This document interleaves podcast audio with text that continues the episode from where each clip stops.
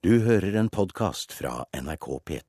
Men først altså om arkitektur. Lovverket må endres hvis vi skal få flere miljøvennlige bygninger. Det mener norske arkitekter som arbeider med miljøvennlige hus.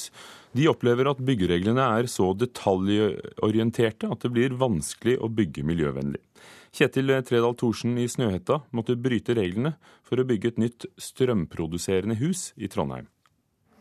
Utvikling av særlig eh, energipositive hus, altså det som går utover passivhusstandarden, er veldig veldig vanskelig med, med gjeldende lovverk. Det sier Kjetil Tredal Thorsen i Snøhetta, som sammen med flere samarbeidspartnere står bak det energipositive kontorbygget som planlegges på Brattørkaia i Trondheim, som ikke bare skal bruke lite strøm, men bli det første bygget i Norge som også leverer strøm tilbake til nettet. For å reise et slikt bygg må arkitektene gå på tvers av reguleringsplaner. Det vi oppdaga var jo at eh, for å få det energipositivt, så måtte vi bryte med reguleringsplanen. I forhold til takvinkel, høyde, materialbruk generelt sett. Også når det gjelder bygging av boliger er regelverket for detaljorientert. Det forhindrer bygging av miljøvennlige hus, mener arkitekt Odd Steinsvik i Steinsvik arkitektkontor i Tromsø. Vi har så mange som bestemmer hva som er lovlig, og som kan forby eh, forskjellige løsninger, altså tekniske løsninger. Og Det gjør at det her er, det er uoverkommelig i Norge å, å tenke seg å bygge bærekraftig og fremtidsretta og fornuftig. Tekniske forskrifter, lokale reguleringer i kommunene og estetiske retningslinjer gjør at arkitektene mener dagens lovverk bør endres. De, de kan ta bort alle detaljene i forskriftene. Si at du får lov til å bruke så og så mye energi per kvadratmeter, og så dokumentere det, og ikke detaljstyre hvordan du skal komme fram til det målet. Myndighetene må åpne lovverket for mye større grad av eksperimentering, måling og modig utviklingsarbeid, mener arkitektene, og får støtte av miljøstiftelsen Zero. Ja, Vi opplever jo at politikerne er ganske positive til at dette her skal skje. Eh, og Da er vår eh, beskjed til politikerne at de må eh, være åpne for å gjøre justeringer. De må være åpne for å gi dispensasjoner lett, og eventuelt se på om regelverket skal kanskje være romsligere. Kravene må være utforma sånn at de som virkelig går foran, får lov til å gjøre det. Det sa nestleder i Serio, Zero, Marius Holm, til reporter Birger Kolsrud Jåsund. Og i dag arrangeres altså årets arkitekturdag, arkitektenes fagdag, der alt skal handle om utviklingen av miljøvennlig arkitektur. Dag Henrik Sandbakken, statssekretær i Kommunal- og regionaldepartementet. Står regelverket i veien for de som vil gå foran, som vi hørte om i reportasjen her? Det jeg oppfatta, særlig fra reportasjen, var at det var de kommunale reguleringsplanene som sto i veien Eh, jeg vil jo si at det er viktig at eh, kommunene eh, endrer sine reguleringsplaner, så de tar høyde for at aktører vil bygge bygg som er mer miljøvennlig enn det vi har lagt opp til i dag. Det vil av og til kunne kreve andre takvinkler, eh, osv. Eh, som gjør at eh, en må kunne endre reguleringsplan. Vil det la seg gjøre i en kommune der kampene ofte er strie? Du har selv vært ordfører i mange år på Tynset? Ja, det tror jeg når det gjelder et formål, formål som det vi snakker om her, estetikk og eh, miljø, så vil jeg tro at det å kunne gi dispensasjon nå burde være en ganske grei sak. Når det er sagt, så er det et ganske interessant innspill. For det er viktig at vi har en sånn diskusjon i forhold til det overordna regelverket når vi skal nå utvikle eh, byggebransjen, byggenæringa generelt, i forhold til å kunne bygge enda mer energivennlige bygg. Og vi lytter til de innspillene som kommer for å se om det er nødvendig at vi endrer vårt regelverk. For her er innspillet at dette er detaljerte regler som står i veien for mer ambisiøse energikrav. Mm. Hvorfor ikke bare ha et krav som spesifiserer hva resultatet skal være? Altså så og så mye kvadrat, uh, kilowattime per kvadratmeter. Men det er jo på den måten byggteknisk forskrift faktisk er bygd opp. Den gir ingen anvisninger på hvordan det skal bygges. Den gir nettopp bare anvisninger på hva vil være energibehovet skal være, eller hva hva kan energitapet være? Utover det så er, det helt, er den bygd opp sånn at det faktisk skal være rom for nye måter, innovasjoner, når det gjelder bygging. Eh, er du fornøyd med Norges innsats for miljøvennlig arkitektur? Ja, jeg mener at vi er på god vei. Det er alltid mye mer å gjøre. Jeg syns at vi er tilrettelagt nå for et regelverk som eh, ivaretar det. Og som jeg sier, eh, forskriftsverket er lagt opp på den måten at det er en minimumsstandard, og handlingsrommet er stort for å strekke seg videre. Vi er veldig interessert i nettopp de forbildeprosjektene som vi hørte om nå, fordi at de er med på å trekke utviklingen i den riktige retningen. Myndighetene har sagt de ønsker passivhusstandard på nye bygg i fremtiden. Men hvorfor ikke satse enda høyere og hoppe rett til krav om altså energiproduserende hus, som det viser seg at eh, kan bygges? Vi skal lage et regelverk som skal eh, kunne følges av alle. Eh, og Det betyr at vi må gå gradvis frem. Det er sånn at nye, og det er jo viktig å legge opp på en måte som gjør at næringa og aktører kan forberede seg. Og da vet vi av erfaring at de finner nye måter, nye løsninger, innovasjoner, som òg etter hvert eh, gjør at kostnadene går ned. Derfor så mener vi at en gradvis fremdrift er det mest fornuftige. Men så er det ofte det at eh, nye miljøvennlige hus ser annerledes ut, og, og kanskje noen ganger bryter med hva vi har hittil syntes var pent. Det har vært god estetikk. Hvordan ser du på den utfordringen, særlig med din erfaring som ordfører? Det er jo en utfordring vi alltid har hatt. Eh, hva som vi mener er estetisk pent, det har alltid utvikla seg. Dessuten er det jo naturligvis veldig subjektivt. Men jeg ser på det som en stor eh, mulighet og en interessant perspektiv fremover at eh, hva vi mener er estetisk pent, det kommer til å utvikle seg. Ikke minst så ser jeg for meg at bruken av tre kommer til å øke betydelig. Takk skal du ha, Dag Henrik Sandbakken, statssekretær i Kommunal- og regionaldepartementet.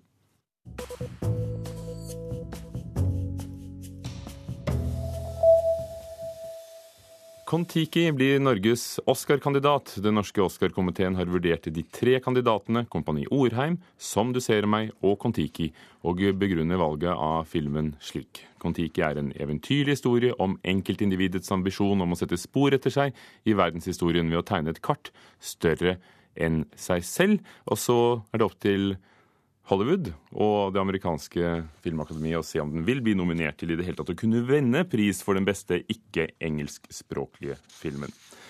Og Regjeringen vil endre loven for å gjøre det mulig å straffeforfølge uttalelser som blir skrevet på internett. Lovforslaget er sendt på høring og kommer etter at bloggeren Eivind Berge ble løslatt i juli. Berge ble pågrepet i sommer etter å ha kommet med drapstrusler mot politimenn i bloggen sin. Høyesterett besluttet imidlertid at uttalelser i en blogg ikke er offentlige ytringer i straffelovens forstand, slik det er i dag. Regissøren som laget den antiislamske filmen som har ført til opprør i Egypt og Libya, er gått i dekning. Den amerikanske filmen The Innocence of Muslims, muslimenes uskyld, gjør narr av profeten Muhammed og skal ha vært årsaken til angrepet mot USAs ambassade i Libya natt til i går. Steve Klein, som har vært konsulent for filmen, sier han ikke angrer. I could not have done a better job than what I have done to point out to the people of the world and the vast majority of the Muslims just how dangerous these people are. Do I have blood on my hands? No, I don't. The blood's on their hands, not mine. Jeg har ikke blod på hendene mine, blodet er på deres hender, sa Steve Klein, som vært altså konsulent for denne filmen. Og utenriksmedarbeider Jan Espen Kruse, er det kommet flere reaksjoner mot eh, denne filmen i løpet av natten? Ja, det har kommet noen reaksjoner, men først og fremst er det jo spekulasjoner det dreier seg om. Man lurer på hvem i all verden er det som har produsert denne filmen. Eh, det figurerer et navn, eh, Sam Basil, eh, som visstnok skal være en amerikansk-jødisk forretningsmann. Men ingen er i stand til å finne denne fyren. Han har altså, som du nevnte, gått i dekning, heter det, men stadig flere lurer på om det egentlig er han som har produsert denne filmen.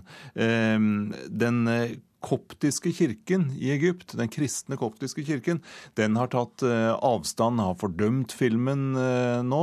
De frykter naturligvis at det skal komme, et, komme kraftige reaksjoner mot dem, fordi det påstås at de som har produsert filmen, har forbindelser til den koptiske kirken i Egypt. Kan du oppsummere hva har skjedd hittil? Altså samle, det samlede bildet av reaksjonene? Eh, nei, det er veldig vanskelig. Men altså, det er jo en massiv fordømmelse, naturligvis, i alle muslimske land.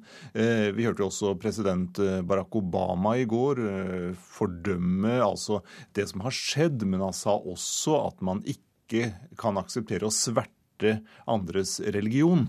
Eh, sånn at det, eh, det er jo en kraftig fordømmelse. Denne filmen er jo et makkverk. Altså De 13-14 minuttene som er lagt ut på nettet, er jo helt horribelt å se. Det er jo en svertekampanje av dimensjoner når det gjelder eh, muslimene. Så dette er ikke noe i nærheten av Monty Pythons Life of Brian eller noe sånt om, om Jesus den gangen. Men uh, Jan Espen Kruse, hva gjøres for å roe gemyttene?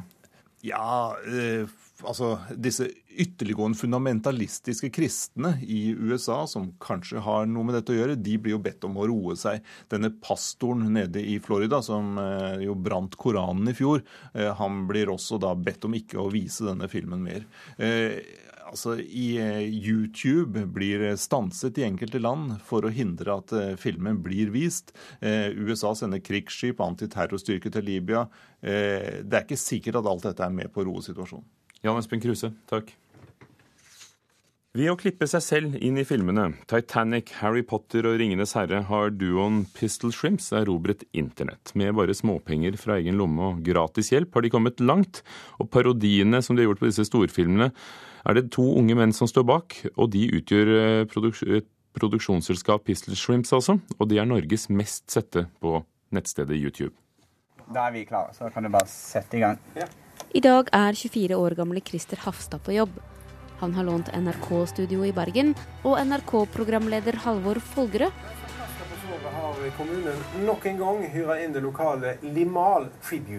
for å lage tullenyheter til en TV-serie som skal på Bergens Tidende sitt nettsted. Flott. Da er vi ferdig med kameraet. Da gjør vi alt sammen igjen i kameraet. Da blir det akkurat det samme, ja. Serien blir sikkert morsom, men det spørs om BT får like mange klikk på den som det Christer får når han sammen med sin makker Stian Hafstad i produksjonsselskapet Pistol Shrimps lager småfilmer som de publiserer på YouTube. Med humor filmer og klipper de seg selv inn og parodierer storfilmer som Harry Potter og Ringenes herre. You have my sword. And you have my bow. And my axe. And my vuvuzela. På den måten har de klikket seg inn i internetthistorien. For på fire år har de publisert 100 filmer, fått 80 millioner klikk og 200 000 abonnenter på YouTube. Vi er de mest sette i Norge, ja. Det. De møtte hverandre på film- og TV-produksjon ved Universitetet i Bergen i 2007. Der vi fant ut egentlig at vi begge hadde hatt lyst til å klippe oss inn i Harry Potter. Eh, og jeg hadde allerede kostymer som jeg kjøpt før jeg begynte på UB. da. Så da, og vi hadde utstyr fra UB, og vi hadde studiovære. Så da var det egentlig bare å komme i gang. Året etter opprettet de sin egen YouTube-kanal. Og så hadde, begynte vi å legge ut ukentlige videoer i januar 2010, da. Var det dere som lagde Titanic? Eh... Ja, det er helt riktig. Den var jo vanvittig bra. Titanic is back. Digitally upgraded with new 3D motion field technology da de la ut en Titanic Super 3D-trailerparodi i vår, tok det helt av. Det har vært en gradvis utvikling egentlig fra 2008. Så vi jobba oss oppover. Men det er Titanic Super 3 som virkelig slo an og gjorde at folk så oss ja, overalt, egentlig. da. Ja, visste, visste hvem vi var. Ja. Og nå blir Pistol Shrimps Titanic Super 3D med på ekstramaterialet til Blu-ray-utgivelsen av filmen. Regissøren av Titanic sett den og godtatt at jeg kunne være med på ekstramaterialet på Titanic Blu-ray. Så det er artig. Pistol Shrimps tjener ingenting på videoene sine. De låner folk og studioer. Ja, så folk hjelper oss. Ja. Og det er det som gjør at det går an, sånn rent rettighetsmessig. Så da går vi under det som heter fair use, altså sånn uh, amerikansk lov copyright-lov, der vi så lenge vi bruker materiale i en annen sammenheng, da ikke legger ut Harry Potter som Harry Potter, men tar det inn i en parodisammenheng, så går det helt fint. Da har du det. Da har jeg det, tror jeg. Ok. Det som vi vanligvis har, er jo noe sånn programlederkort. Ja, det var det du, du hadde på noe Det ligger i Boskov. Kan ta gårsdagen. Ja, ja. Til hverdags jobber Kristi Larsen som regissør i Flimmer Film, og Stian Hafstad utdanner seg videre i New York. Målet med de YouTube-videoene er, er og var egentlig bare å ha det gøy og kunne lage videoer. Og det er fortsatt det vi bare egentlig vil holde på med hele tida, lage de her YouTube-videoene. Men det blir jo selvfølgelig en, en, plass vi kan vise til arbeidet vi har gjort, da. Og i hvert fall nå som vi har fått litt, litt suksess, da, så er det noe folk legger merke til og faktisk tar seriøst da. Det er det. Titanic Super 3D. Coming soon. Reporter Helena Rønning traff Christer Larsen og Stian Hafstad i Pistol Shrimps. Avis, nett-TV, sosiale medier, medier, og mange programmer, apper til mobiltelefonen gjør at datatrafikken i mobilnettet er fem ganger større i dag enn den var for fire år siden. Så det begynner å bli trangt om plassen, og derfor innkalte Post- og teletilsynet til frekvenskonferanse i går. Torstein Olsen, direktør i Post- og teletilsynet, hvor trangt er det? Eh, ja, det er trangt. eh, Og det blir trangere og trangere med flere og flere smarttelefoner i, i Norge. Eh, Og hva har dere tenkt å gjøre med det, å løse dette knapphetsgodet? Mobiloperatørene gjør det de kan for å bygge ut kapasiteten i, i nettene. Det er nytt utstyr, og man venter fortsatt på nye frekvenser som, som de ønsker å ta i bruk. Det jeg ikke skjønner er at I Norge har vi akkurat like mange frekvenser og like mye eter som i andre land med langt flere innbyggere. Det må da være ganske romslig i, i luften hos oss? Jo da, det er det. eh, Men eh, det er betydelig jobb som skal gjøres med å koordinere disse frekvensene med alle andre land. Og det er jo viktig at vi kan bruke de samme frekvensene når vi er eh, utenlands også. Ja, Der hører jeg noen har en frekvens på mobilen som tikker av gårde. Eirik Solheim, eh, redaktør i teknologinettstedet NRK Beta. Fredag før pinse ble mobilnettet overbelastet bare pga. datatrafikken, ikke fordi vi snakket sammen. Eh, Hva tror du, vil det bli fullt? Altså, dette er jo sånne rykter som vi hører jevnt og trutt, både når det gjelder mobilnettet og når det gjelder bredbåndet hjemme, at det kommer til å bli fullt. Um, det er en eksplosiv vekst i bruk av internett på mobiltelefonene. Um, det vokser raskere enn det tradisjonelt internett gjorde da folk begynte å få det hjemme. Så det er interessant å se. Vi har ikke sett noen utvikling som har gått så fort som denne. Så tidligere har teknologien klart å henge med, så får vi se hvordan det går denne gangen. I går lanserte datagiganten Apple en eh, ny telefon. I forrige uke var det Nokia. Det finnes mange andre produsenter også. Tror du at stadig nye telefoner vil eh, gjøre at vi snakker mindre og bruker mer og mer data? Det er det som har vist seg foreløpig, i hvert fall. At uh, vi bruker telefonen mer og mer til datatrafikk og til uh, Facebook og Twitter og YouTube. Og nå med bedre skjermer så begynner folk å se mer på film via den telefonen også, noe som krever enda mer data. Så den bruken øker veldig. Apple reklamerer for dette nye produktet med en LTE-teknologi, og at det skal gå på fjerdegenerasjons uh, mobilbånd. Eh, Er dette noe vi vil få glede av i Norge? Det er litt usikkert foreløpig. For det er eh, de bruker masse herlige sånne trebokstavs- og firebokstavsforkortelser, så det er LTE og HSPA, og du kan jo gå deg helt vill. Det det handler om, er å da nye frekvenser på mobilnettet som skal gi deg høyere hastighet.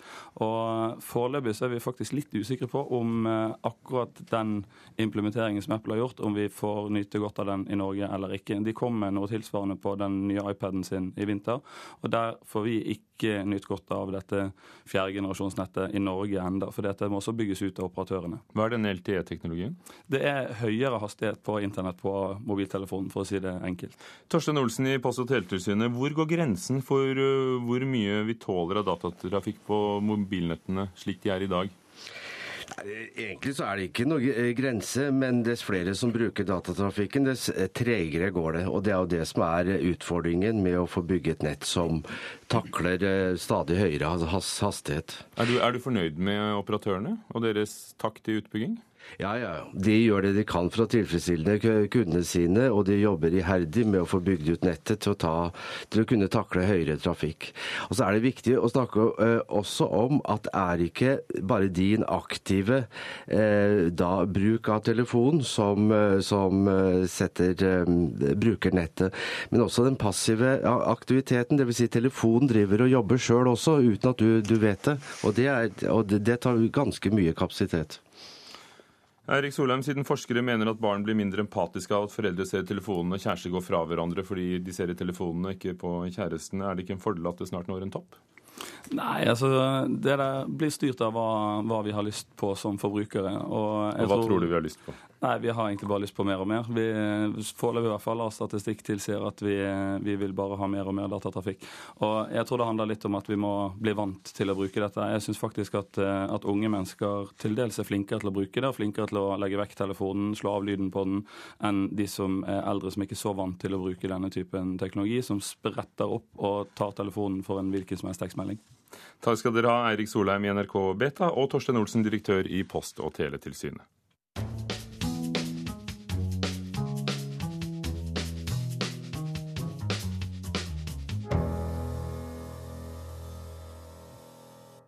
Vi er kommet til filmen som vår anmelder hevder er årets beste film norske film så langt, 'Som du ser meg'. Under filmfestivalen i Haugesund ble den kåret til Nordens beste film, og vår anmelder Einar Gullvåg Staasen er spesielt glad i den. Han har sett filmen to ganger.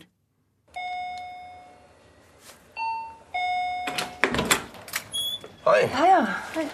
Hei, Steinar heter jeg. Mennesker kommer, og mennesker går, og mennesker er. I Som du ser meg får vi øye på interessante sider av et trivielt liv. Filmen er en imponerende presis og tankefull og filosoferende observasjon av norske sosiale tilstander.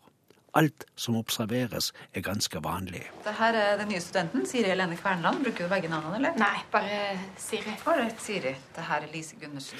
En avdelingssykepleier, en vanlig sykepleier og en sykepleiestudent i praksis. En litteraturoversetter som har holdt på lenge. En forlagsredaktør som er ny. En godt voksen kvinne som sliter, og en svigerinne som har altfor mye av alt. Og døtrene deres. Som du ser meg, skildrer et helt samfunn, men reflekterer det gjennom kvinneroller. Den er den store kvinnefilmen slik jeg ser den. Slik en mann ser kvinnene. Dag Johan Haugerud er en mester med film. Jeg tror han har god peiling på kvinner også. Han kan i hvert fall instruere kvinner. Det teamet han har plassert i de ulike situasjonene i filmen, er et meget vellykket ensemble. Skuespillerinnene må ha følt seg særlig inspirert i Haugeruds selskap. Ragnhild Hilt har ikke spilt i film på 16 år. Hun er fargerik som grå eminense. Laila Goody er spesiell her, og Trine Wiggen og Andrine Sæther og Anne Marit Jacobsen og Andrea Brein Hovig og Henriette Stenstrup og Arne Dahl Torp og Kari Onstad Winge. Og den ferskeste jentegjengen, Birgitte Larsen, som her har fått en erfaring som teller som tre. Som du ser meg, er tre historier som binder sammen han fjerde. Morsomt språk. Den første boka di. Mm. Noveller. Roman. I den fjerde og samlende er Andrine Sæther i studio og leser en lydbok av den romanen som forteller alle historiene. Det er et godt tenkt og godt utført filmgrep. Inntrykkene fra møtet mellom en usikker forfatter og en selvgod lydmann følger oss gjennom de andre historiene også. Da Grete Megre var 16 år, het hun Ellen Jensen. Unnskyld, eh, så er ikke det Uttales det Mai-Gret? Nei, det, det er et fransk navn. Megret. Grete Megret. Hun er fransk? Nei, hun har tatt navnet. Jeg kommer til det der. Historiene har det felles at det er én ledende skikkelse i situasjonen, og én person som må forholde seg til lederen. I arbeidsliv, i nabolag eller i familien. Da Grete Megret var 16 år, het hun Ellen Jensen og bodde i en liten by milevis fra Oslo. Unnskyld. Eh, Jeg kanskje skulle justere stemmen litt her, for her ligger jo faktisk eh, Grete Megre og sover. En sommerkveld ble Grete Megre med sin daværende kjæreste hjem til en kamerat. for å spille Vi synes vi opplever en klok analyse av mye av det vi har rundt oss. Den opplevelsen er god. Sa Einar Gullvåg Staalesen når han anmelder helgens andre norske premierefilm 'Mer eller mindre mann' og det danske småfrekke praktverket 'En kongelig affære i mørkets opplevelser' klokken 19 i kveld i P2. I Kulturnytt har vi hørt at Kon-Tiki blir Norges Oscar-kandidat, og at lovverket må endres hvis vi skal bygge flere miljøvennlige bygg. Det mener norske arkitekter, blant dem Snøhetas Kjetil Tredal Thorsen. De opplever at byggereglene er så detaljerte at det blir vanskelig å bygge miljøvennlig. Det var noen av sakene. Se flere på nrk.no kultur. Hanne Lunås var teknisk ansvarlig. Halvor Haugen produsent og Ugo Fermarello programleder. Og du hører på Nyhetsmorgen. Du har hørt en podkast fra NRK P2.